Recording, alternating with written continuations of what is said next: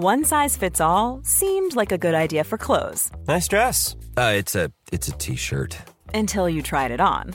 Same goes for your healthcare. That's why United Healthcare offers a variety of flexible, budget friendly coverage for medical, vision, dental, and more. So, whether you're between jobs, coming off a parent's plan, or even missed open enrollment, you can find the plan that fits you best. Find out more about United Healthcare coverage at uh1.com. That's uh1.com. Hey, it's Ryan Reynolds, and I'm here with Keith, co star of my upcoming film, If, only in theaters, May 17th. Do you want to tell people the big news? All right, I'll do it. Sign up now and you'll get unlimited for $15 a month in six months of Paramount Plus Essential Plan on us. Mintmobile.com slash switch. Upfront payment of $45 equivalent to $15 per month. Unlimited over 40 gigabytes per month. Face lower speeds. Videos at 480p. Active Mint customers by 531.24 get six months of Paramount Plus Essential Plan. Auto renews after six months. Offer ends May 31st, 2024. Separate Paramount Plus registration required. Terms and conditions apply if rated PG. Many of us have those stubborn pounds that seem impossible to lose, no matter how good we eat or how hard we work out. My solution is PlushCare. PlushCare is a leading telehealth provider with doctors who are there for you day and night to partner with you in your weight loss journey. They can prescribe FDA-approved weight loss medications like Wagovi and Zepbound for those who qualify. Plus, they accept most insurance plans. To get started, visit plushcare.com slash weight loss. That's plushcare.com slash weight loss.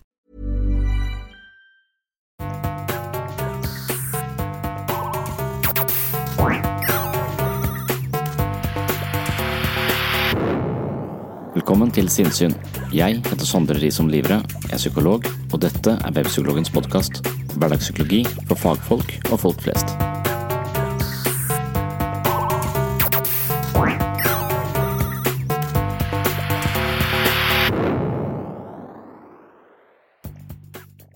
I episode 47 på min Patron-side snakket jeg mye om mannens helse.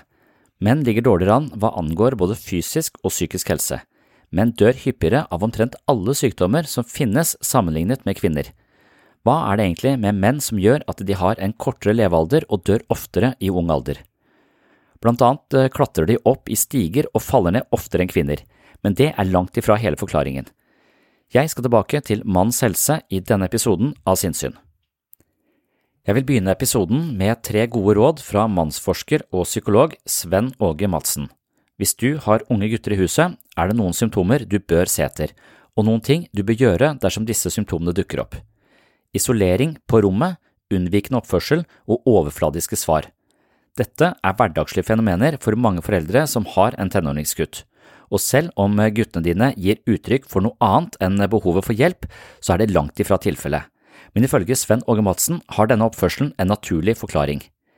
Gutter har vanskelig for å uttrykke sine følelser fordi de, i motsetning til jentene, ikke er oppdratt til å snakke om følelser i samme grad. Så det er ukjent terreng for unge tenåringsgutter å be om hjelp når livet er utfordrende, men det betyr ikke at de ikke trenger det. Tenårene er som kjent en tid fylt med utfordringer og problemer, og på den ene siden ønsker sønnen din å løsrive seg fra din trygge favn, samtidig som han har et voksende behov for å bli sett og lyttet til, spesielt av deg. Sven Åge Madsen mener det er et generelt problem for spesielt de mannlige kjønn å være følsom og åpen når livet er utfordrende.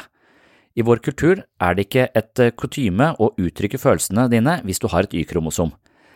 Samtidig mangler mange gutter et språk for problemer av mer emosjonell karakter. De blir ikke oppdratt til å snakke om følelser, og derfor foretrekker de å skjule det for omverdenen.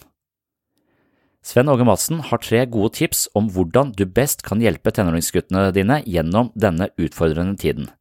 Punkt 1. Forstå gutten din og utfordringene hans. Vær åpen og nysgjerrig på verden han lever i. Husk at eh, tiden er annerledes enn da du var ung. Punkt 2. Det er fint å ha et eh, lekent forhold med humor, men sørg for at det også er rom for en mer fortrolig relasjon. Punkt 3. ta ansvar for ham. Vis at du er til stede, og at du er til stede både i gode og vanskelige tider. Det var Sven Åge Madsens beste tips. Han er forsker, psykolog, og han er da spesialist i menns helse ved Rikshospitalet i København. La oss kort høre fra Madsen om likestilling og menns helse før vi går videre til dagens episode hvor mannen står i sentrum. det er en historisk utvikling, det vi ser med mennene, fordi man aldri noensinne har sett før i hele menneskehetens historie, at, at mænd kommer i en situation, hvor øh, de har lavere status end de kvinder, de, og de kunne giftes med. Der sker en, det, man kunne kalde omkalfatring af forholdet mellem kønnene, sådan så, hvor, hvor det ene køn generelt, altså kvinderne, har haft en lavere status, lavere uddannelse, lavere indkomst, mindre bestemmelsesret end det andet køn, mændene.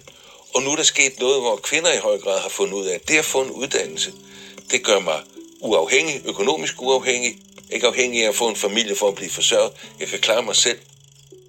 Når man spørger ud i befolkningen, mænd og kvinder, om hvor vigtigt er det for dig at bo i et parforhold, ja, så er det 68 procent mænd, der siger, det er vigtigt, og kun 56 procent kvinder, der siger. Og der får vi måske afsløret det, som jeg plejer at kalde altså mændenes emotionelle afhængighed, hvor kvinder før var økonomisk afhængige af mænd. Kvinder har valgt uddannelse og selvstændighed. Hvad, hvad gør mændene? Og det er det, vi ikke ved. Og det vi undersøger og finder ud af, hvad gør mændene, hvad vil mændene, hvad er mændenes situation? Er der nye veje til, at mændene kan genvinde, hvad skal man sige, et bedre trivsel, et bedre liv?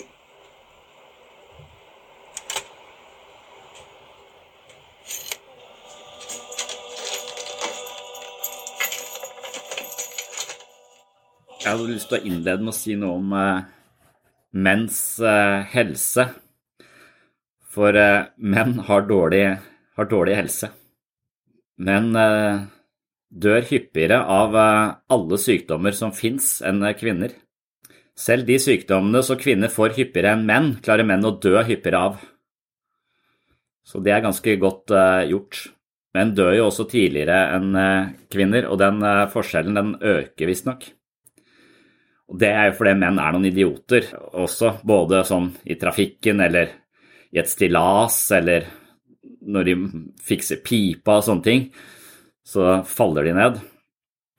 Men det er også en del andre faktorer som eh, sørger for at menn ikke oppsøker eh, hjelp, og spesielt kanskje psykisk eh, helse, så har de ikke nødvendigvis den samme det er ikke kultivert inn i det å snakke om det på samme måte som det kvinner er.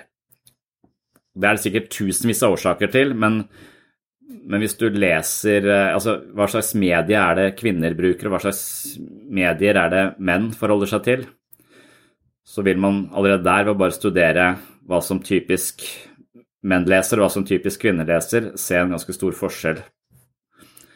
For du kan jo lese KK, så står det alltid en historie om en eller annen som var deprimert, og hvordan hun taklet det. Men hvis du leser eh, Motor, så står det veldig sjelden noe om eh, en eller annen mekaniker som ble deprimert, og hvordan han takla det. Det står i mye større grad hvordan han fiksa forgasseren. På en helt ny måte. Det er kjempefascinerende. Men temaet til i dag var jo eh, var litt sånne kjønnsrollemønster, og hvordan det har egentlig Kanskje litt sånn hvordan stereotype kjønnsrollemønstre gjør at noen eh, sniker seg litt unna eller får noen bestemte roller i familien og tar noen bestemte roller, eller blir satt i noen bestemte roller og mønstre.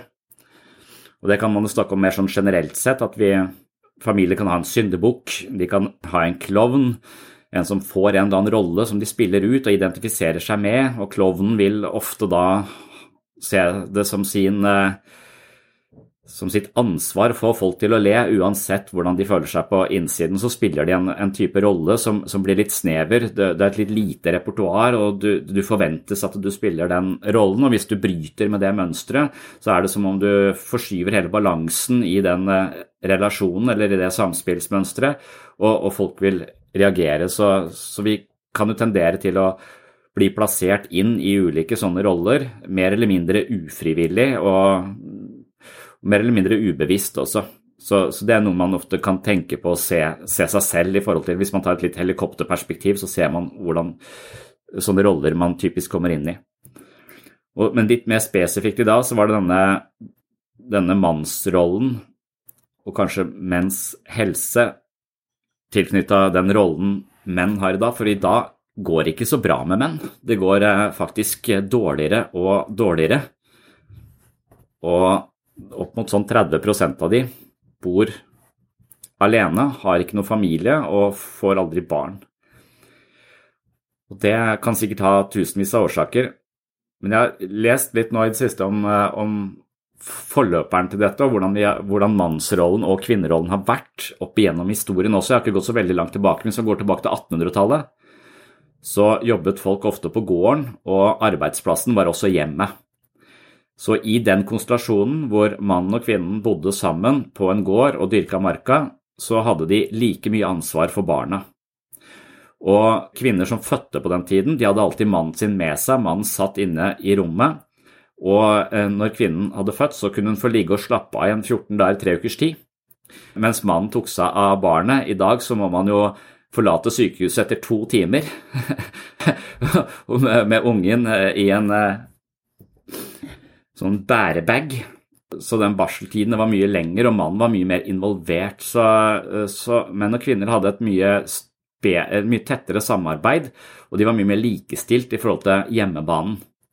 Men det som skjer ut på begynnelsen av 1900-tallet med modernisering osv., det er ifølge disse historikerne at mannen blir mer eller mindre presset ut av hjemmet, og da også som følge av en slags en ekteskapslov, hvor man rent sånn politisk går inn og sier at Eh, mannen skal, sin oppgave er å forsørge familien, ut og eh, jobbe på fabrikken eller i gruvene eller et eller annet sånt noe, mens kvinnen sitt ansvar det er å ta vare på hjemmet, ta vare på barna og pleie mannen sin når han kommer tilbake etter en tolv timers arbeidsdag, finne tøffelen og avisa og pipe og alt det der sånn.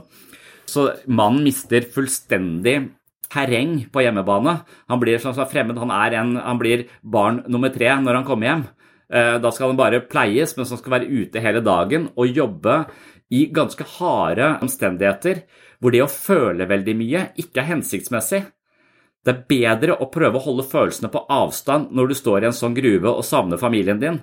Så overlevelsen handlet ikke om å snakke om følelsene, det handler om å holde følelsene på avstand så man fikk gjort jobben sin. Og så kom han hjem, og så, og så fikk man eh, servert mat og, og hadde en sånn så det, det blir en sånn helt skakk balanse der, selvfølgelig, hvor mannen på en måte spilles helt ut av hjemmet, men også blir denne som skal forsørge familien. så at det, eh, Kona er da avhengig av mannen. og et, Det er et slags maktbalanse der som sørger for at det er vanskelig for, eh, for kona å gå fra mannen hvis han er en idiot, for da står hun på bar bakke og har ikke noe inntekt. Sånn det, og dermed så blir det ikke så mange skilsmisser. Og, og denne perioden her sånn, den har jo liksom den, var, den, begynte på, ved begynnelsen av 1900-tallet, spesielt i 1920 tror jeg denne ekteskapsloven kom.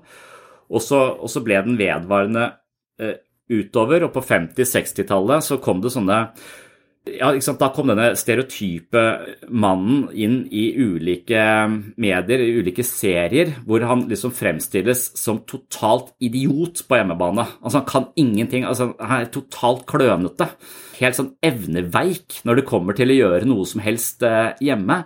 Så får vi den ideen om at han bare ikke fikser noe, så han klarer ikke å skru på, klarer ikke å vaske tøy, klarer ikke å sortere skjorter, alle sånne ting som er jævlig enkelt. Det er jo bare å lære seg det, men det klarer ikke eh, mannen, og vi har det nesten litt, eh, litt fortsatt.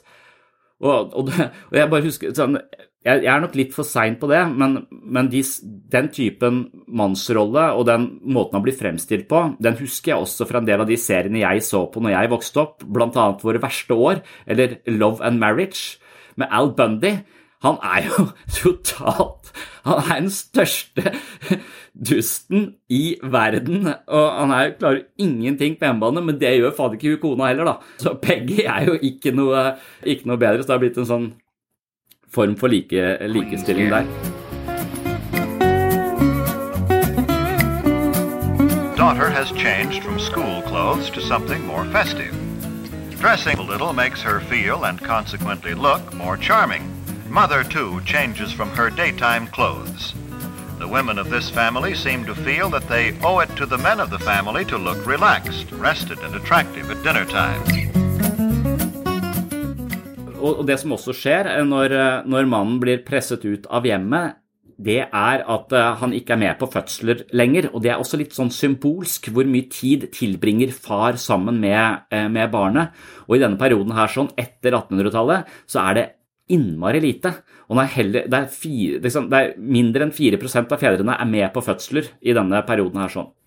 Så kommer man opp på 70-tallet, og så skjønner man at dette her er ikke veien å gå. Så begynner man å gjøre noe med det, og i løpet av en ganske kort periode på fem år så klarer man å snu en del av dette, også med noen politiske insentiver, hvor, hvor man vil at fedre skal være mer hjemme, samtidig som det kommer en form for eh, feminisme som, som i utgangspunktet ikke var mannsfiendtlig den var mer likestillingsorientert. så at Nå skal kvinnen også hun må ha, mer, ha større muligheter for å stå på egne bein. Hun må være økonomisk eh, selvforsynt, sånn at hun ikke kommer så skeivt ut av denne makt, maktbalansen. Og Så begynner man å få kvinnene ut av hjemmet. De begynner å utdanne seg, de får høyere utdannelse, og de kommer ut i, arbeids, eh, i arbeidslivet.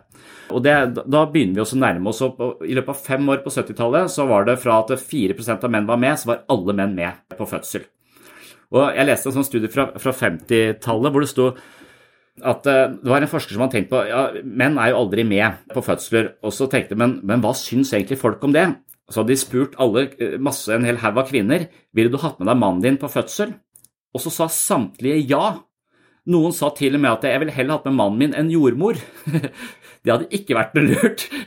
Hvis kona vi hadde valgt meg fremfor en jordmor, det hadde vært det dårligste valget. Men, men det illustrerer at kvinnen ville ha med seg mannen, men det var bare ikke noe Så da konkluderer den forskeren med at ja, kvinnen vil visst ha med seg mannen, men nå har vi ikke spurt mennene, og det er lite sannsynlig at de har lyst til å være med på det der. men det kan nok hende de faktisk hadde hvis han hadde giddet å spurt dem, men det, så langt kom den, eh, den studien aldri.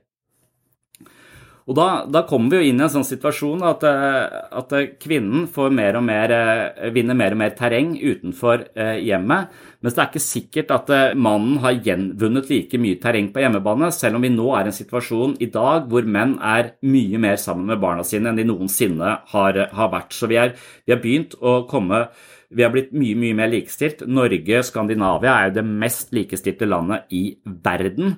Og, og dermed så, så, har vi også en helt annen mentalitet, mens i veldig mange andre eh, land, USA f.eks., så er det mer kristne, konservative kjønnsrollemønstre, forskjell på menn og kvinner.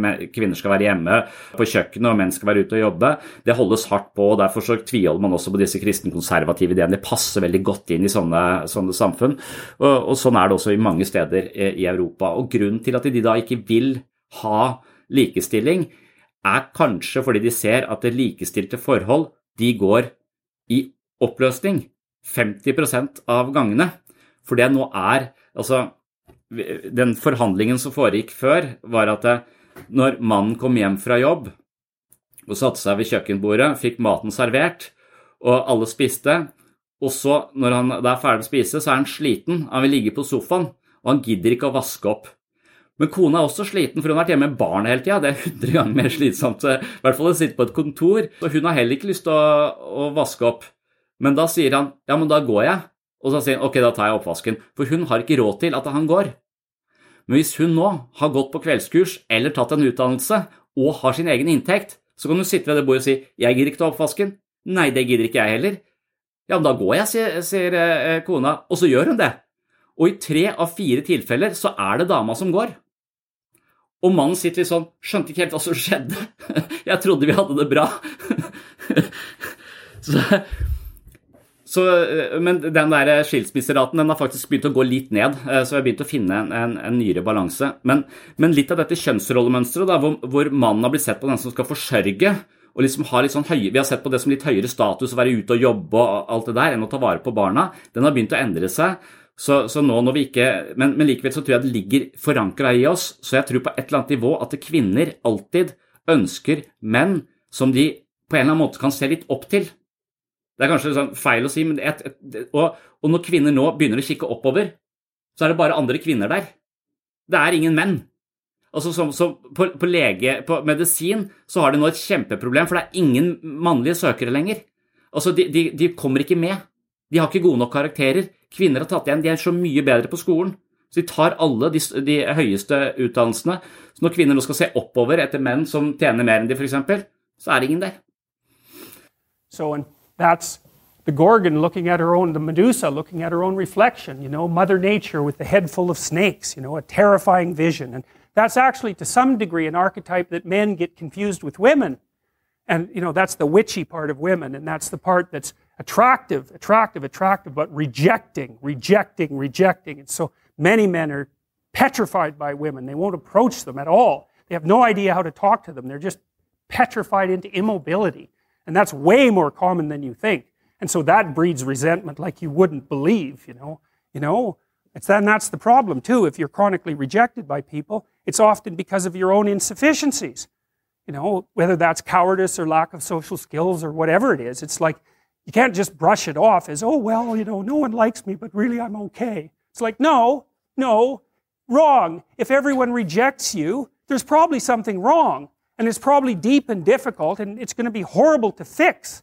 And so, this isn't a trivial problem. It's not a trivial problem at all.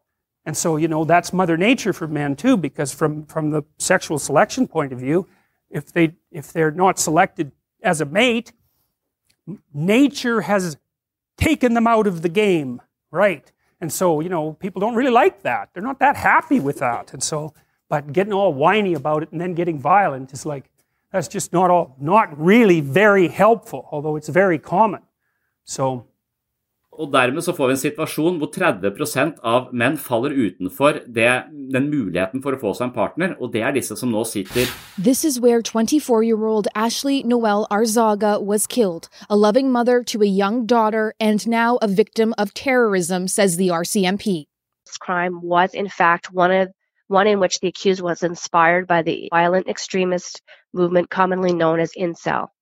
And so today, the charges against the 17 year old male suspect in the February stabbing at a Toronto massage parlor were upgraded. The first time an alleged incel inspired killing has been formally labeled as terrorism by police. We need to name things properly in order to deal with them well and make a, a kind of a path towards ending this kind of violence. Incel means involuntary celibate, a largely online movement linked to misogynist attacks. And they really espouse an intense and extreme hatred towards women. They have grievances with our society in terms of what they see as unequal access to women's sex relationships. It's the same ideology allegedly behind the Toronto van attack that killed 10 people and injured 16 others in 2018. But despite incel related social media posts, the suspect in that case was not charged with terrorism. Neither was the man convicted of killing six Muslim worshippers at a Quebec City mosque in 2017. It kind of defies logic to think that what he did was not a terrorist activity. That seeming reluctance to press terrorism charges in cases not linked to extremist groups like ISIS makes today's developments particularly significant, says this law professor. It is a bold step, it is a novel step, but it is one that, in my view, is, is long overdue. There are fears the incel movement is growing, flourishing on the web, making future real world attacks against women an ever present threat. Ellen Morrow, CBC News, Toronto. Så, så, og, og, dermed så får vi en situasjon hvor 30 av menn faller utenfor det, den muligheten for å få seg en partner, og det er disse som nå sitter inne, er ganske fortvila. De har ofte en uh, tendens til å bli avhengig av ting, alkohol, spill osv og blir sittende fast litt på siden av samfunnet, blir ganske forbanna på samfunnet, kanskje blir forbanna på kvinner, og så blir, utgjør det en slags terrortrussel på lik linje med IS til slutt. Så, så det er jo en, et fare i et samfunn når vi ikke Så, så det er et eller annet med denne, denne likestillingen som er veldig bra, men samtidig så har det noen ulemper som vi kanskje er nødt til å, å, å justere litt. Og I og med at mannen da har vært så lenge i et, fra 20-tallet oppover i et sånt miljø hvor det å snakke om følelsene ikke har vært vanlig, eller snakke om problemer, for det har liksom ikke vært plass til det. Du skal komme deg gjennom denne harde arbeidsdagen, hjem og hvile litt, for så å begynne på nytt dagen etter. Så, så, kan det være at det henger litt igjen.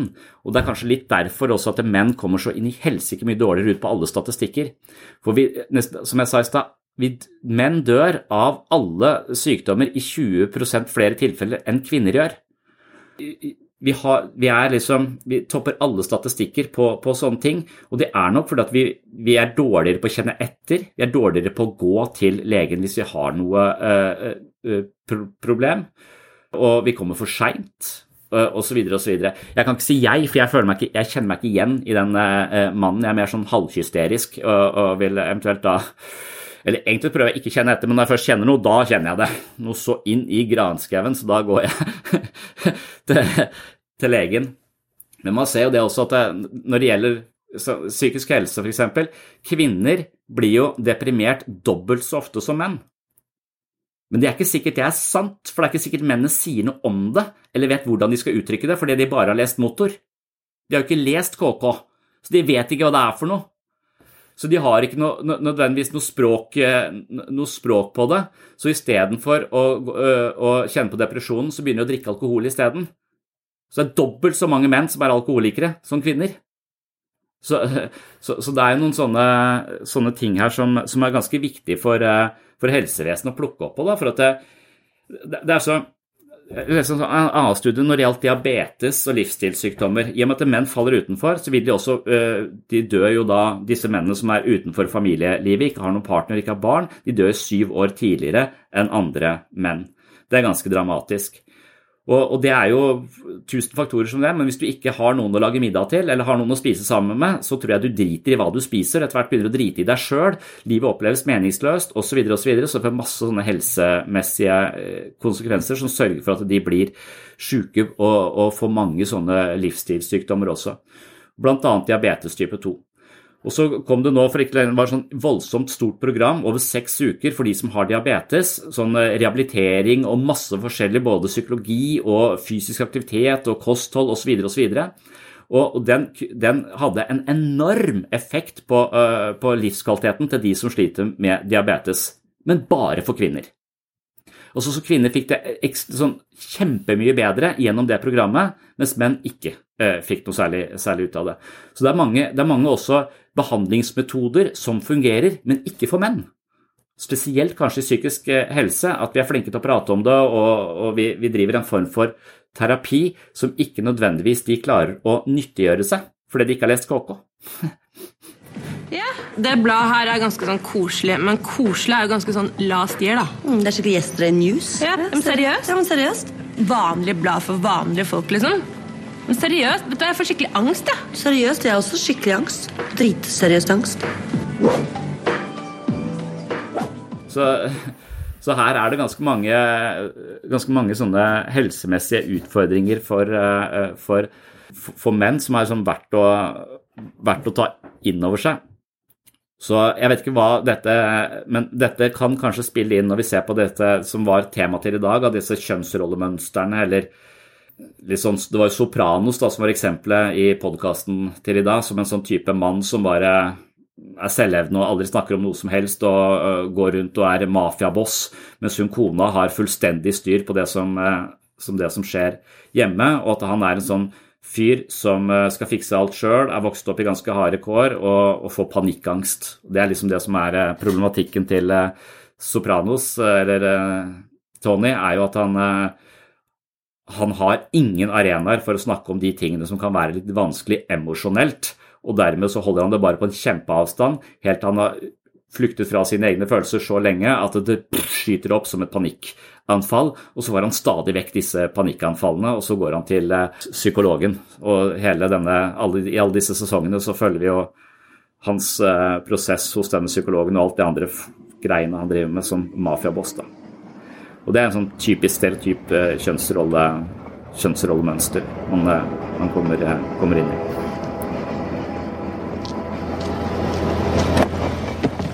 Sorry, I'm late. The alarm was. What the fuck is wrong with you? Didn't Paulie tell you I ain't been feeling good? You know what? I wet my ass with your feelings. Thanks. Thanks a lot. Drive the fucking car. Jeg vet ikke. Det er, det er det man ikke vet. Grunnen til at de dør så mye oftere altså av de fleste, er vel også den tendensen til å ikke snakke om det eller unngå det, eller bare holde det på avstand til det har gått for lang tid. sånn at de det, det, er ikke det at vi nødvendigvis Det er noen sykdommer som kvinner får mer enn menn, og noen sykdommer som menn får mer, får mer enn kvinner. Sånn som hjerteinfarkt er vanligere hos, uh, hos, menn enn hos kvinner. I hvert fall i ung, uh, ung alder. Men, men, grunnen til at kvinner overlever, det er tusen faktorer på det. men det er jo fordi de er litt bedre på å ivareta seg selv og snakke om det med noen andre. Og har arenaer hvor de, hvor de Så det er vel en slags psykisk, psykisk komponent i nesten alle tilstander vi har, da. Så jeg bare ser på, på meg og kona mi, f.eks. Altså, hver eneste ettermiddag så går hun en tur med en venninne. Altså, og jeg setter meg de VR-brillene og reiser rundt i verden helt aleine. Altså, hvis jeg treffer en kamerat, så må det være liksom sånn Det skjer én gang i halvåret.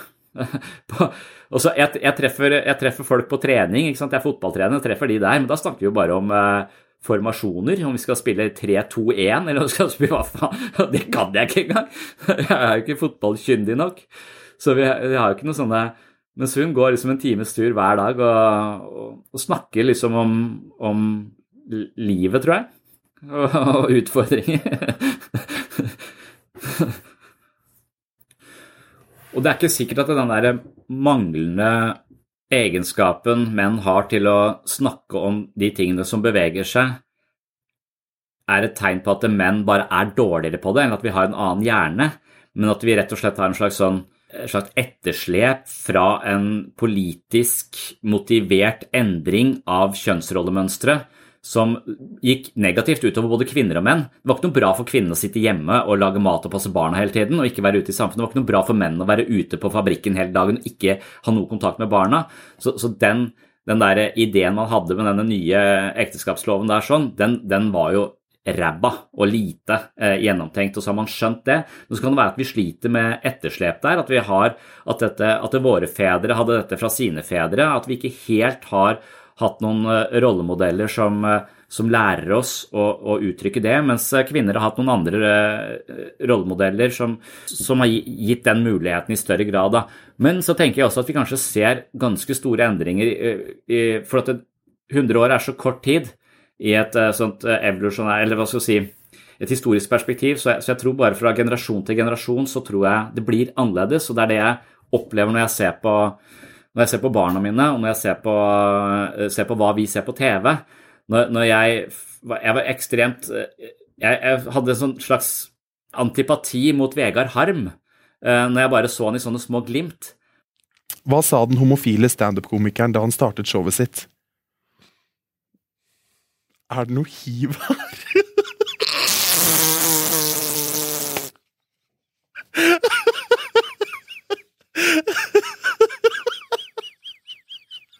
Rekke, rekke seg Å, fy faen, gulpe lunsjen.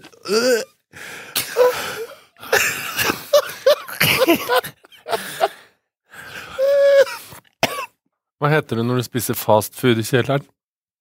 Vet ikke. Si det, da.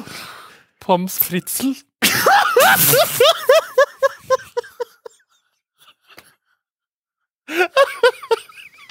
Det var ikke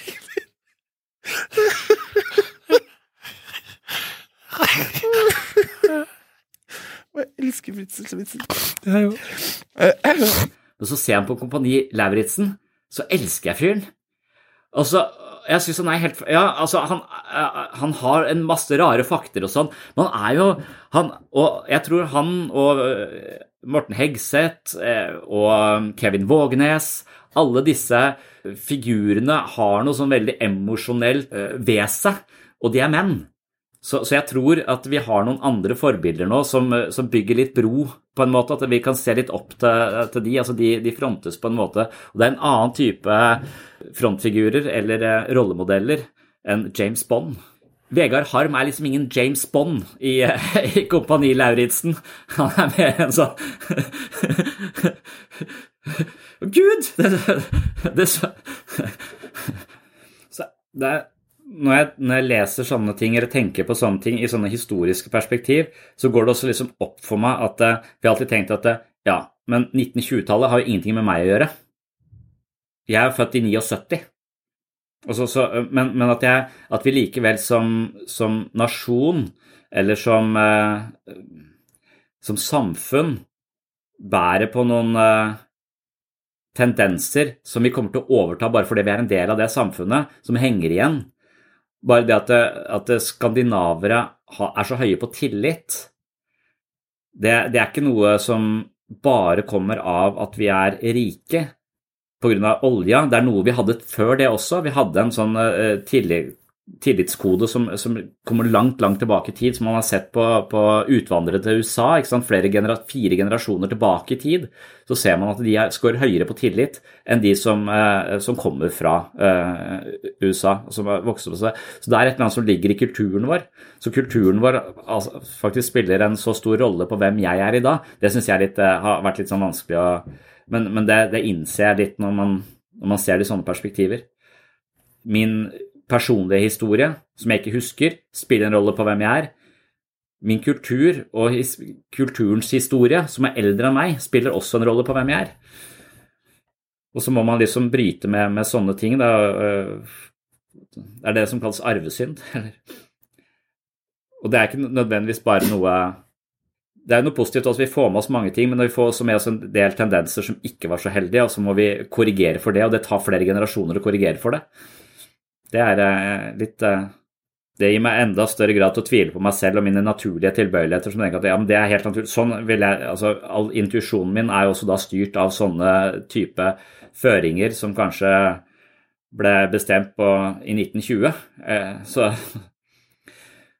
Men så har jeg da sannsynligvis innbakt i min, i min historie og min også 1800-tallets mann som var veldig masse sammen med barna og hadde den Også på 1800-tallet så var mannen den ble ansett som den viktigste personen for barna. Og det har også vært perioder hvor kvinnen har blitt holdt unna barna fordi hun var hysterisk.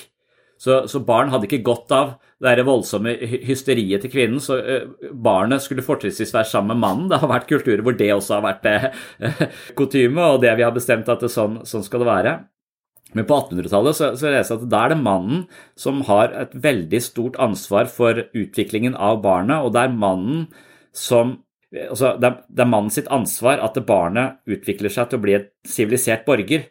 Så hvis barnet ikke blir det, så er det mannen sin skyld. Så det var mannen som måtte ta ansvar for det. Det var mannen som også hadde med seg sønnen eller dattera si til presten for å, å konfirmere dem. Og, og, der var det også sånn at eh, på konfirmasjon så stilte man opp i en rekke, og de som sto øverst nærmest alteret, det var de smarteste og flinkeste barna.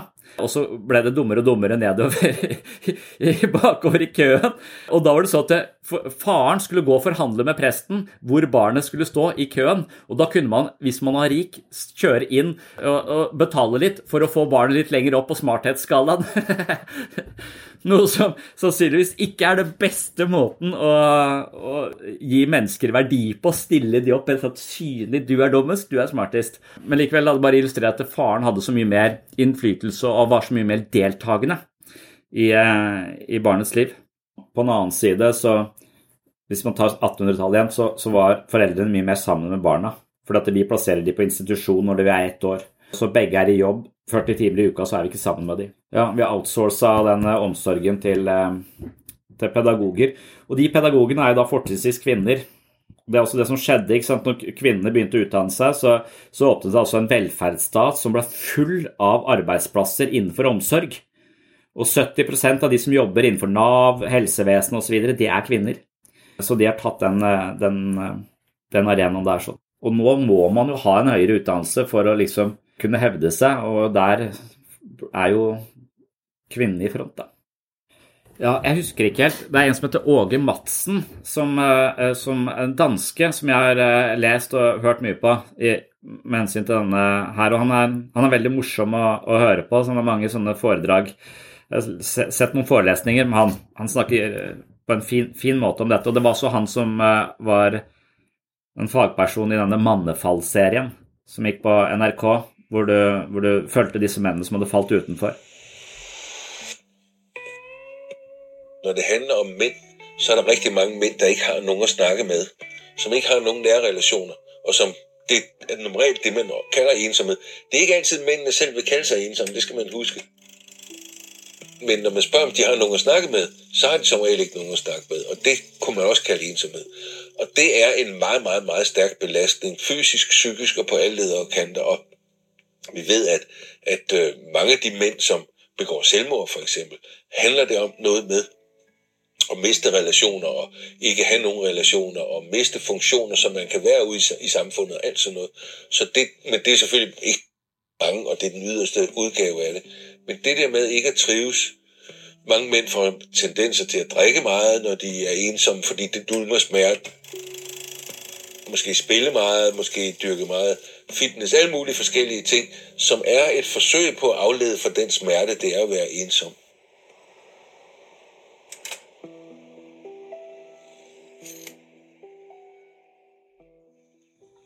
Så kan man jo ta det ned fra samfunnet. Altså Samfunnet har noen forventninger eller noen føringer som vi kommer til å bli fanget av i mer eller mindre grad. Og så vil det langsomt endre seg, sånn at eh, i dag f.eks. så tar skandinaviske menn 40% av det samlede husarbeidet i gjennomsnitt. Så det betyr at her har det skjedd en kjempeendring, så mannen er på vei tilbake til, eh, til hjemmet. Spørsmålet er om han har fått like mye drahjelp til å gjenvinne en type bestemmelsesrett på hjemmebane som det kvinnen har i forhold til å få bestemmelsesrett i arbeidslivet. Det er fortsatt sånn at menn tjener mer enn kvinner, men det er også sånn at eh, når man regner på det, så er det også fordi kvinnene er ganske mye mer hjemme med barna i barsel og sånne, sånne ting. Så det, så, men spørsmålet er liksom Feminismen og den revolusjonen der sånn har sørget for en type likestilling som er uh, veldig, veldig bra for, for alle parter. Men så finnes det er nok en sånn overgangsfase her hvor den justeringa kommer At menn kanskje ikke har gjenvunnet samme like mye terreng på hjemmebane og tilskrives like mye bestemmelsesrett der som, uh, som man har sett andre veien ut, kvinner ut i arbeidslivet. Jeg kjenner, kjenner litt igjen hos meg selv også at jeg, jeg er ganske sikker på at jeg gjør eh, opp mot 50% av og, og vel så det altså deler husarbeidet. Men det er typisk at jeg gjør sånne Altså jeg er mer sånn utfører av oppgaver. Jeg er nok ikke så mye eksekutivfunksjonen bak Eller jeg er ikke så mye på planlegging av alt som skal gjøres, men jeg gjør det som skal gjøres. Og så gjør jeg sånne ting som jeg vet skal gjøres. Jeg bretter tøyet, jeg putter det inn i vaskemaskinen sånn. Jeg gjør alle disse, disse, tingene, men det er nok en del sånn planlegging. Altså, jeg, jeg er ikke jeg er ikke administrerende direktør. Jeg føler ikke at jeg er administrerende direktør på hjemmebane. Jeg føler at jeg er ansatt der, og at jeg gjør en god jobb. Men, men, jeg har liksom ikke Jeg er ikke sikker på om jeg Jeg har ikke en lederstilling. Og det kan du spørre barn Jeg spør barna mine av og til om det. Altså, hvem er det som bestemmer hjemme? Det er mamma. Sier det. Men da er spørsmålet er det bare fordi menn er late, ikke sant? eller at jeg ikke gidder å, å ha den kontrollen og ha den derre vite hvor vi skal og når det er bursdag når vi må kjøpe ikke sant? Jeg, jeg har en viss peiling, men jeg har nok ikke like god peiling. Så alt det administrative planleggingsmessige, det er jo en ganske tung jobb. Så spørsmålet er om jeg bare syns det er greit å, å, spille Al Bundy og dum og bare stå og så, uh, vaske fordi jeg ikke gidder å ta meg av det andre eller om, om, jeg ikke slipper til. Jeg tenderer vel til å tenke at jeg at det er min skyld, at jeg ikke gidder. Så jeg tror jeg kanskje hadde sluppet til hvis jeg, hvis jeg virkelig ville. Jeg er ikke sikker. Jeg klarer ikke å se det. Har ikke helikopterperspektiv på det. Og Der er jeg helt lik deg. Jeg, sånn, sånn, det er antirydding, mener jeg. Og så putte ting inn i, inn i, skaper. Og det gjør kona mi. Altså hun bare, så lenge det er ute av syne, så syns hun det er greit. Og det, det, det frustrerer meg dypt og inderlig. For det, det, mener jeg er det motsatte av å rydde. Vi ser det ikke, men nå har vi jo ingen kontroll på hvor ting er hen. Men så lurer jeg på om den der tendensen, altså fordommene våre og mønstrene våre, at vi mener at de er de riktige fordi at de er kultivert inn i oss så merker jeg at det, kanskje den der motstanden jeg hadde mot Vegard Harm, som jeg har eh, eh, forsvunnet helt, og en annen motstand jeg har eh, Altså, jeg vet at Hjemme så er det jeg som har ansvar for mat, kjøpe inn mat og sørge for at de spiser sunt, men jeg har ikke noe sånn identitet i sånn gourmetkokk-greier. Men det er fryktelig mange kamerater som er sånne matlagere og snakker. Og det syns jeg er irriterende. Det synes jeg er sånn snobbete Eh, jeg har sånn kjempeantipati mot sånne innmari sånn opptatt av sovid og skal ligge og koke i tre dager før du kan spise det. Altså, det, det der syns jeg, jeg, er irriterende. Og jeg tenker at Det er den samme motstanden jeg sikkert hadde mot uh, Vegard Harm i utgangspunktet. at det, der, der, der, er det disse litt mer sånn uh, Ja, det er lite maskulint kanskje å være så inni helvete opptatt av hvor lenge maten skal kokes. i den der mye maskinen de har fått på, på kjøkkenet der. Det er en serie som heter Farfar på TV, og han, øh, pappaen der, han er sånn. Han, han, han er sånn som irriterer meg. Hver gang, på hver gang jeg irriterer meg, så er det et eller annet som sitter litt fast i meg, øh, som, som jeg, jeg, må, jeg må undersøke.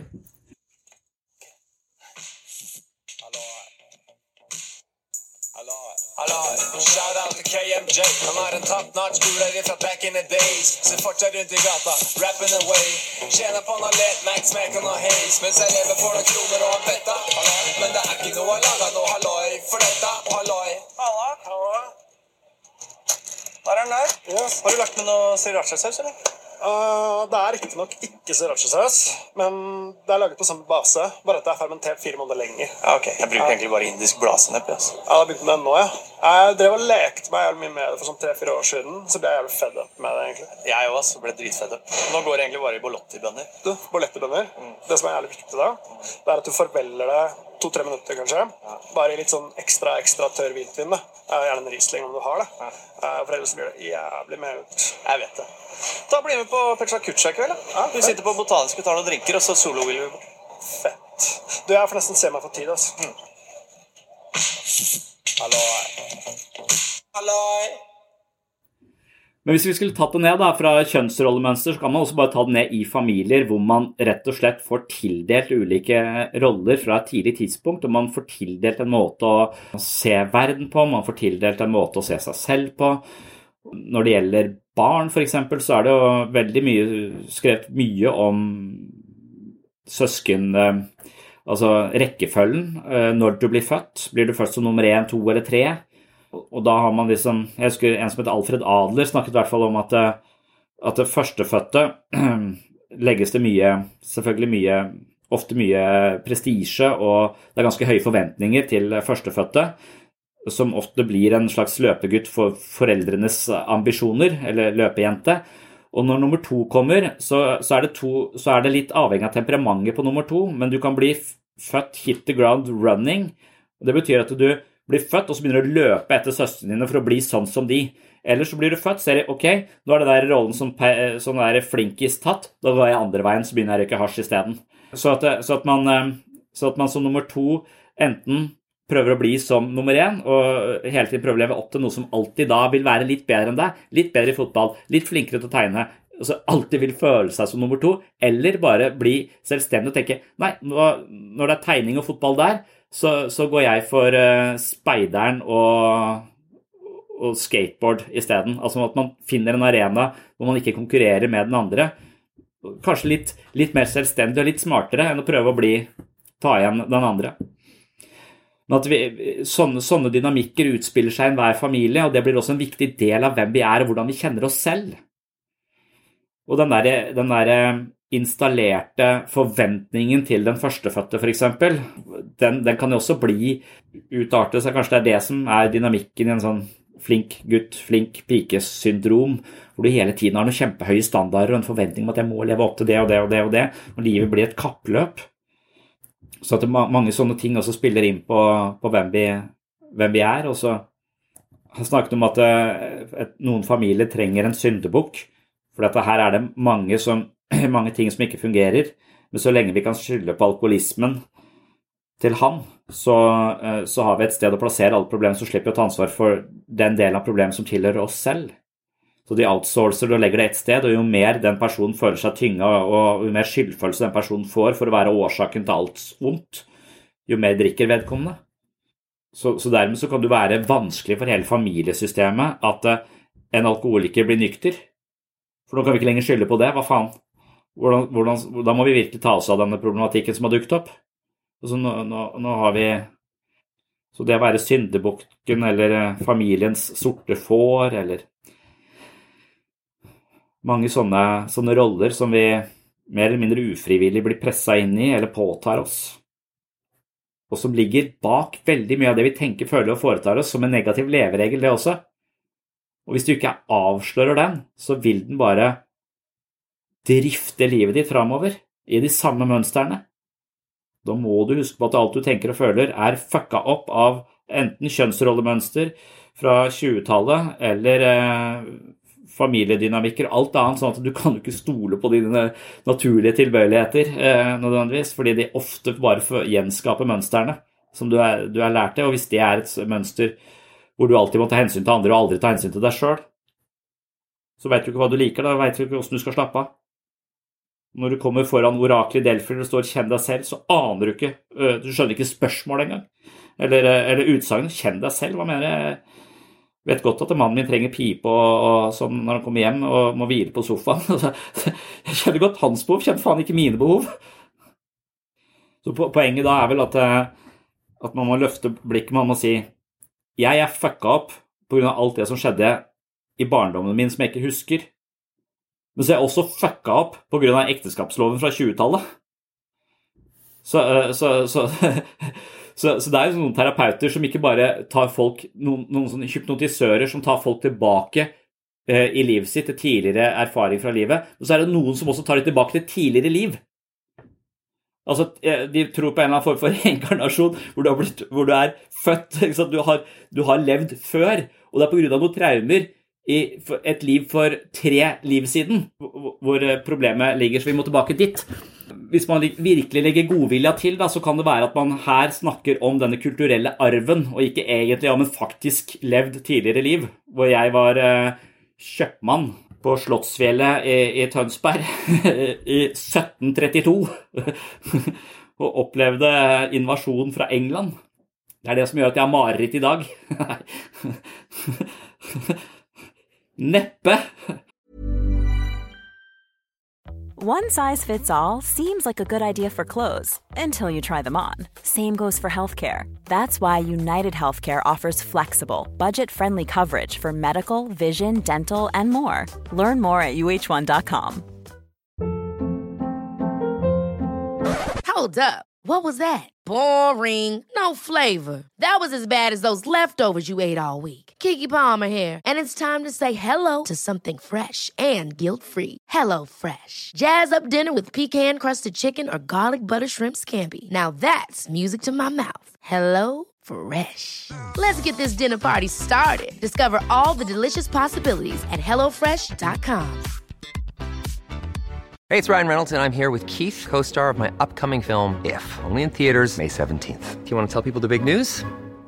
All right, I'll do it. Sign up now and you'll get unlimited for $15 a month in six months of Paramount Plus Essential Plan on us. Mintmobile.com slash switch. Upfront payment of $45 equivalent to $15 per month. Unlimited over 40 gigabytes per month. Face lower speeds. Videos at 480p. Active Mint customers by 531.24 get six months of Paramount Plus Essential Plan. Auto renews after six months. Offer ends May 31st, 2024. Separate Paramount Plus registration required. Terms and conditions apply if rated PG. Hej, jeg hedder Louise, og jeg er uddannet masterhypnoterapeut. Jeg arbejder med helt almindelige former for udfordringer som angst og søvnbesvær, selvtillid, selvværd osv. Men jeg arbejder også med tidligere liv. Nogle tror på, at vi har levet før, andre tror ikke på, at vi har levet før, og nogen har bare lyst til at undersøge, om de har levet før. En rejse tilbage til tidligere liv er altid rigtig, rigtig spændende. Og det er en rigtig god idé, inden man begynder på at undersøge, om man har levet før. Lige at have snuset til hypnose eller hypnoterapi en eller to gange før. Nogle gange så kan man godt sidde og være en lille smule nervøs, inden man skal ud på den her spændende rejse, som det jo er, og komme tilbage til et tidligere liv. Nogle sidder og har nogle forventninger om, hvad har jeg været, hvad har jeg arbejdet med, og så videre. Og det kan godt gøre, at man sidder og, og bliver en lille smule nervøs. Og at det måske blokerer lidt for, at at man får succes eller første gang man prøver. Så jeg vil opfordre til, at har du lyst til at prøve en session med tidligere liv, så prøv lige øh, hypnose en til to gange før, sådan så du ved, at, øh, at du føler tillid til den terapeut, som du vælger. I'm sorry, what? What? What? Neppe. Men at jeg likevel er påvirka av en kultur som langsomt beveger seg, men som ikke Og at det er grunnen til at jeg syns uh, menn som er overdrevent opptatt av mat, er irriterende. Det kan godt hende hører til et tidligere liv som ikke jeg har levd. Men som bare har blitt installert i meg. Jævla pretensiøse dust, tenker jeg når jeg sitter og ser på deg. Ja. Ja, det, så det, det kan godt hende. Og så jeg er usikker på hvor mye man skal tillegge. Forskjellene på menn og kvinner de, de har jo både kulturelle, biologiske Det er så mange forskjellige årsaker til det. Og kanskje man uh, har trodd mer på biologi enn man egentlig kan stå til inntekt for. da, Og at det er veldig mye kultur. Men det kan jo også Jeg kjenner nok igjen at jeg er Jeg går tettere Jeg, jeg er mer dypt og inderlig interessert i enkelte ting. Altså, kona mi er mer en allmennpraktiker. Så jeg er litt interessert på mange områder. Mens, eh, mens, jeg dyrker enkelte ting. altså Jeg er så opptatt av å investere mening i noe som jeg kan ha. Liksom, det, og jeg, jeg, går veldig inn i det. og Jeg kan ikke helt forstå hvordan et liv uten den muligheten å investere mye mening et sted altså Det holder meg liksom flytende, da. Mens det virker som hun kan gå litt breiere ut. Og det er jo dermed at jeg er så opptatt av å investere mening i ett sted at jeg ikke har så tid til noen andre folk også. Så det er derfor jeg ikke altså jeg prioriterer tiden min annerledes til å dyrke de tingene jeg er opptatt av, fremfor å, å være i kontakt med så mange andre mennesker, selv om jeg leser all forskning at det er den kontakten med de menneskene som gjør at jeg, jeg får bedre helse. Og når jeg ikke har den kontakten med alle de, de folka, så, så, går helsa mi ned, da. Og så tenker jeg at jeg treffer folk på jobb hver dag, og, så det, det, det holder, meg, holder meg flytende. Men, men at menn er ikke sant? Du sier at autister Vi kjenner jo av og til at autister tro, de kjennetegnes i hvert fall sånn på folkemunne som at de er sånn sykelig opptatt av litt sånn spesifikke ting. Jernbaneskinner, f.eks. Hvis du er kjempeopptatt av jernbaneskinner, så kommer du på Norges herligste. Nå er vi på en skogsvei like utenfor Tønsberg. Vi skal... Et sted som heter Skoppum, ja. og vi skal besøke en fyr som heter Jan Erik. Han går rundt på togtraseer, og han gjør, altså, jeg tror han går turer, og så tegner han det når han kommer hjem. Han har iallfall noen tegninger av togtraseer hjemme, og det er jo spennende nok i seg sjøl, syns jeg. Der er et rødt hus. Ja, ja, ja, ja, ja. visst. Dette tror jeg er vår mann. Dette lover bra. Hei, hei. Ja, Jan Erik. Jan Erik. La oss si at skal bygge en jernbane her. Ja. Da begynner jeg av her, ikke sant? Ja. Og så begynner jeg å skrive opp. Ja, det er skogsvei. Det er sånn. Ja, SV. Ja, det er skogsvei. Hva er det du gjør nå? Teller du? Ja. Hvor mange meter det er? Ja, avstand. Og så må jeg inn igjen og sjekke opp igjen. Ja. Jeg kan gå her, altså. Jeg kan ikke det nødt til å gjøre. Hva, hva du gjør nå? Skrive opp noe til, og så trenger jeg til ut. Litt høyere enn det var der. Ja. Og så er det. Ja. Masse arbeid. Og sånn går du gjennom skogen? Ja. Og det hender at jeg må klatre opp en ny sånn sånn dette året. Hvor, hvor, mange baner har du laget, da? Det sier Østlandet. helt til Lærdal. Er det sant? Ja. Gått sånn ute i skogen? Ja, til Lærdal. har du prøvd å kjøre den trallen fram og tilbake? Nei, den har rusta fast. Han rusta fast? Ja. Også, eller fri, altså at, det, at det ikke gjelder bare autister, men menn generelt. da. At de, de, de har sånne litt sånn spesifikke ting som de investerer i. Og at det kanskje, jo mer du investerer i noe, jo mer betydning kan det få. Hvis du går veldig ut som en sånn allmennpraktiker, så blir du litt god på alt, men ikke sånn veldig god på, på noe. Og at det kan være ja, det er forholdet mellom å spesialisere seg på sovid og heller bare lage litt husmannskost. Ja, for Der vil jeg igjen se på meg selv som en mer en allmennpraktiker, fordi at jeg, som du sier, jeg, jeg, går dypt inn i noe, men jeg går ikke så dypt inn i at det overtar tiden min fullstendig. For, for, for det, men, men, det kan jo være at, at menn ja, at de blir sånn Norsemen, eller at de skal trene til et eller annet. altså At de, så, de bruker så ekstremt med at det, det, er bare en annen form for alkoholisme, egentlig. Altså At det er at de 50% mer kvinner som har depresjon, og uttrykker at det er et, et eller annet som stanger i livet her, så stanger det ikke i livet til denne mannen, for denne mannen løper fortere enn alle andre i Norge. Eh, på, på hvert eneste maraton. Jeg har en tendens til å se på, se på sånne supertrente f.eks. som et symptom. Jeg vet ikke om jeg kan stå inne for det, for nå er jeg liksom men jeg, for jeg er veldig sånn nysgjerrig når jeg er sammen Jeg er av og til sammen med sånne topptrente folk. Jeg har jo annet vært på sånn hyttegren som heter Kondistunet. ikke sant? Og der er det bare sånne som er i norgestoppen når det gjelder De løper i 15 km i gjennomsnitt. Når de løper en time, så har de løpt 1,5 mil. Når jeg løper en time, så har jeg løpt 4 km, og der holder jeg på å daue. Altså, det er, de har så ekstremt Det er ikke bare litt høyere fart, det er sånn sjukt mye høyere fart. Og så tenkte jeg, Da har du brukt så mye tid, du har investert så mye i det. Er det en unngåelse, eller er det en, eh, en livsbejaende, virkelig skape mening i livet? Der går jeg litt mer for allmennpraktikeren. Vær litt mer opptatt av vin. Du drikker jo ingenting. Du drikker jo altfor lite. Det er altfor mye trening. Ser jo aldri på TV, du. Bare ute og jogger.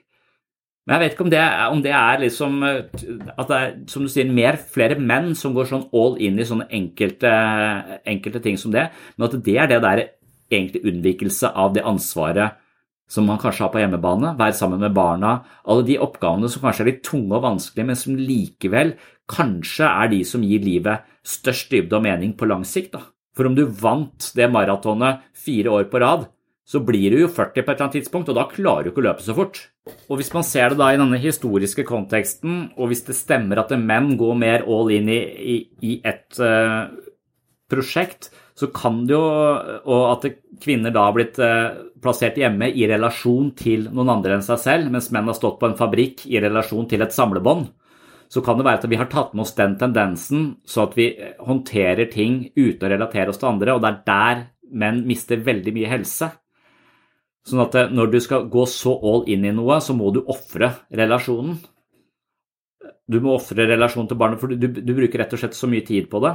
Så det, det å gjøre ting da sammen med andre og, og legge relasjon, sette relasjonen høyere eller snakke om ting, at det, det er der menn så Dermed så kan man kanskje se spesielt når menn går så all in, at det er en type Ikke nødvendigvis at det er et tegn, det er en mestringsstrategi da, på å håndtere en eller annen underliggende ubehag man ikke kommer til, men som man overkjører med, med, med jogging.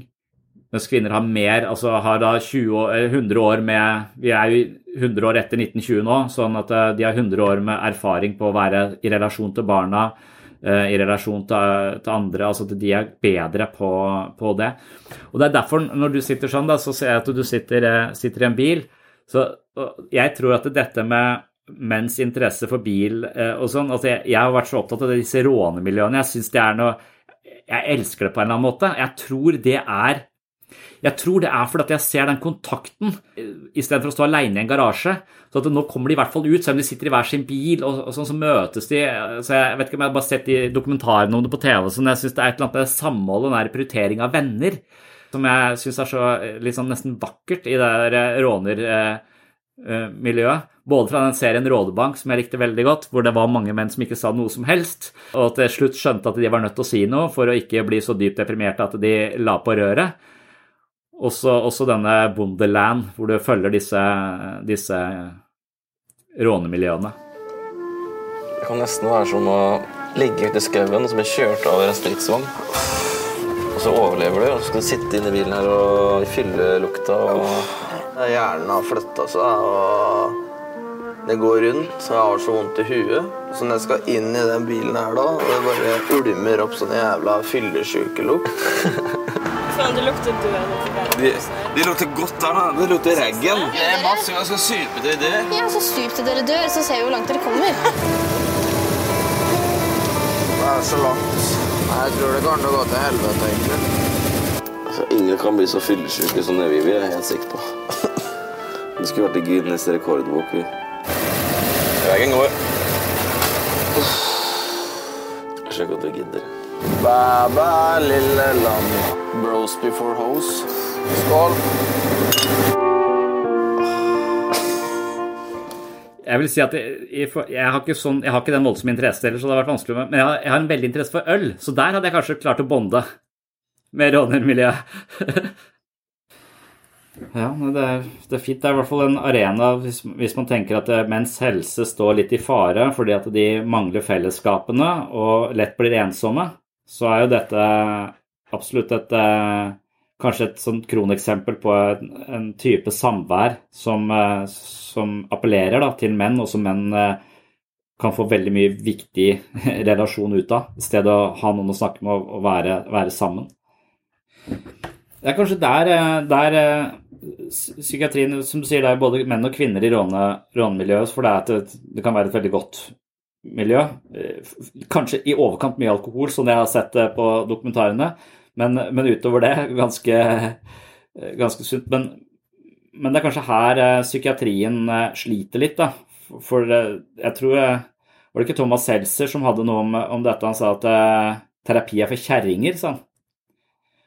Og det er et slags eh, provoserende utsagn, men det er vel akkurat dette han eh, peker på, at eh, hvis det finnes en sånn form for mentalitet hos menn, hvor det å snakke om ting og sånn ikke ligger de naturlig eller virker teit, fordi de har disse algoritmene fra 20-tallet eh, installert i huet sitt, så, så må kanskje psykisk helse appellere på en litt annen måte da, for, å, for å fange opp de som sliter, sånn at de istedenfor å bare begynne å drikke, kan, eh, kan håndtere depresjonen sin på en litt annen måte.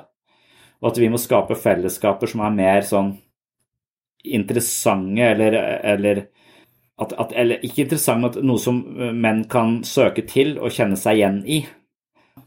Jeg har tenkt lite grann at, eh, at f.eks. denne podkasten Sinnsyn, at jeg skal på en eller annen måte prøve å, å være interessant for menn. Men jeg vet ikke hvordan man skal gjøre det, men jeg bare tenker at eh, ja. Men også, har jeg vel alltid trodd at det, det publikummet for sinnssyn, det var kvinner i 50-åra. For da jeg drev og holdt kurs før i tida, så var det bare kvinner i 50-åra som kom. Så jeg ok, jeg har bomma litt. Men nå så jeg på en sånn statistikk at over halvparten av de som hører på sinnssyn, er faktisk menn. Eller i hvert fall de som, de som abonnerer på sin, Så, så, der er det så, så På en eller annen måte så har jeg klart å appellere noe den, eh, i den mer maskuline retningen, kan man si. Men eh, ja, ja jeg, vet, jeg vet ikke hva det er vel det vi ikke vet, da, i og med at eh, menn fortsatt dør hyppigere av alle mulige sykdommer enn det, det kvinner gjør, så, så, vi har ikke knekt den koden helt, da. For, for, jeg er liksom Jeg tenkte at jeg var, ikke var så veldig sånn mannaktig, men så, så, er jeg nok det i mye større grad enn jeg liker å, liker å tro. For at det, jeg kan godt snakke om dette, at det er viktig å snakke om ting og sånn, men på hjemmebane så tenker jeg vel at det, eller jeg har det i meg at 95% av de fleste problemer går over hvis jeg bare sitter helt stille og venter.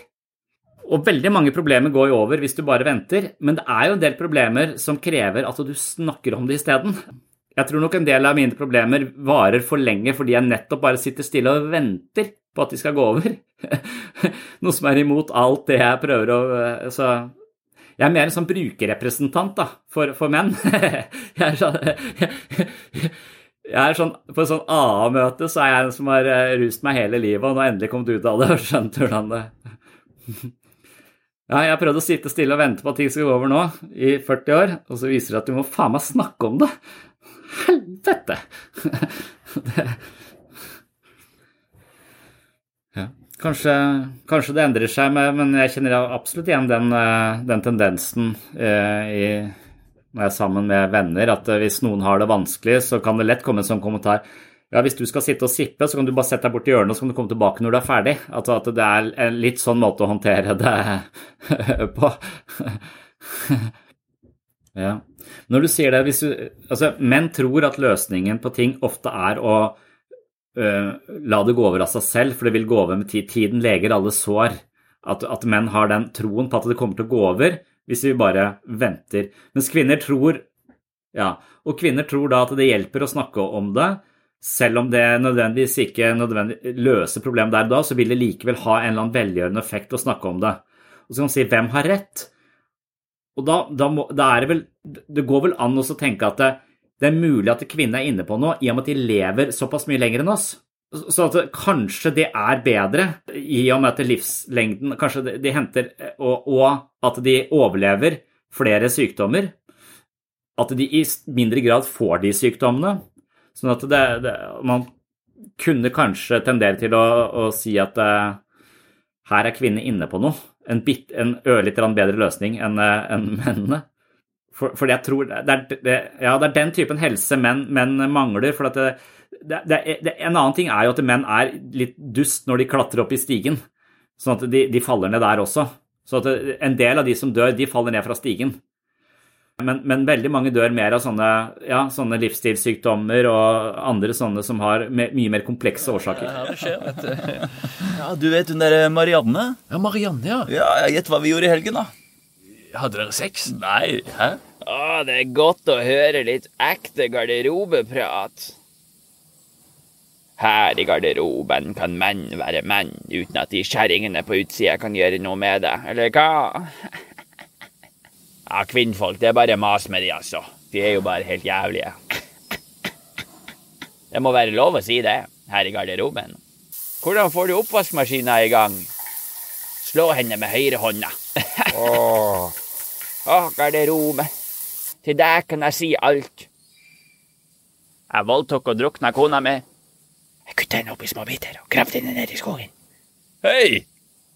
Her i fengsel kan menn være menn uten at de kjerringene på utsida kan gjøre Takk for at du hører på Sinnsyn. Vil du høre mer om mannens psykiske status i dagens samfunn, har jeg laget en episode til om denne tematikken. Menn dør hyppigere enn kvinner av de fleste sykdommer. Mange menn lever alene uten familie med massive helseplager. Hvorfor er det egentlig sånn?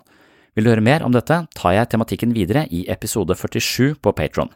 Episoden heter rett og slett Mannefall. Dersom du velger å følge denne linken i shownotes til min Patron-konto, har du også mye annet i vente. På min Patron-side finner du over 100 andre poster fra denne podkasten.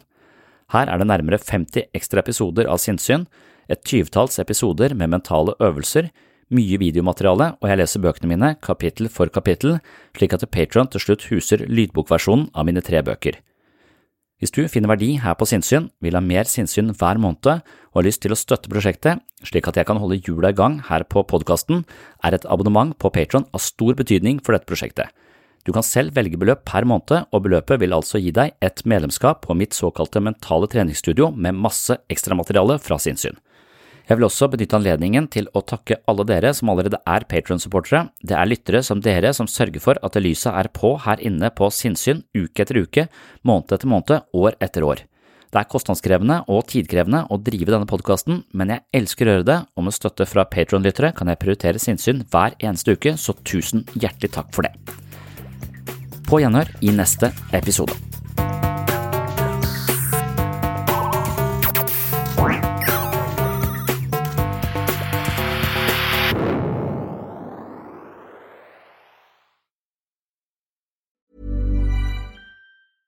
Ever catch yourself eating the same flavorless dinner three days in a row? Dreaming of something better? Well, HelloFresh is your guilt-free dream come true, baby. It's me, Kiki Palmer. Let's wake up those taste buds with hot, juicy pecan-crusted chicken or garlic butter shrimp scampi. Mm. Hello Fresh. Stop dreaming of all the delicious possibilities and dig in at HelloFresh.com. Let's get this dinner party started. Hey, it's Paige DeSorbo from Giggly Squad. High quality fashion without the price tag. Say hello to Quince. I'm snagging high-end essentials like cozy cashmere sweaters, sleek leather jackets, fine jewelry, and so much more. With Quince being 50 to 80% less than similar brands. And they partner with factories that prioritize safe, ethical, and responsible manufacturing. I love that. Luxury quality within reach. Go to quince.com slash style to get free shipping and 365-day returns on your next order. quince.com slash style. Imagine the softest sheets you've ever felt. Now imagine them getting even softer over time. That's what you'll feel with Bowl and Branch's organic cotton sheets. In a recent customer survey, 96% replied that Bowl and Branch sheets get softer with every wash. Start getting your best night's sleep in these sheets that get softer and softer for years to come. Try their sheets with a 30-night guarantee. Plus, get 15% off your first order at bowlandbranch.com. Code BUTTERY. Exclusions apply. See site for details.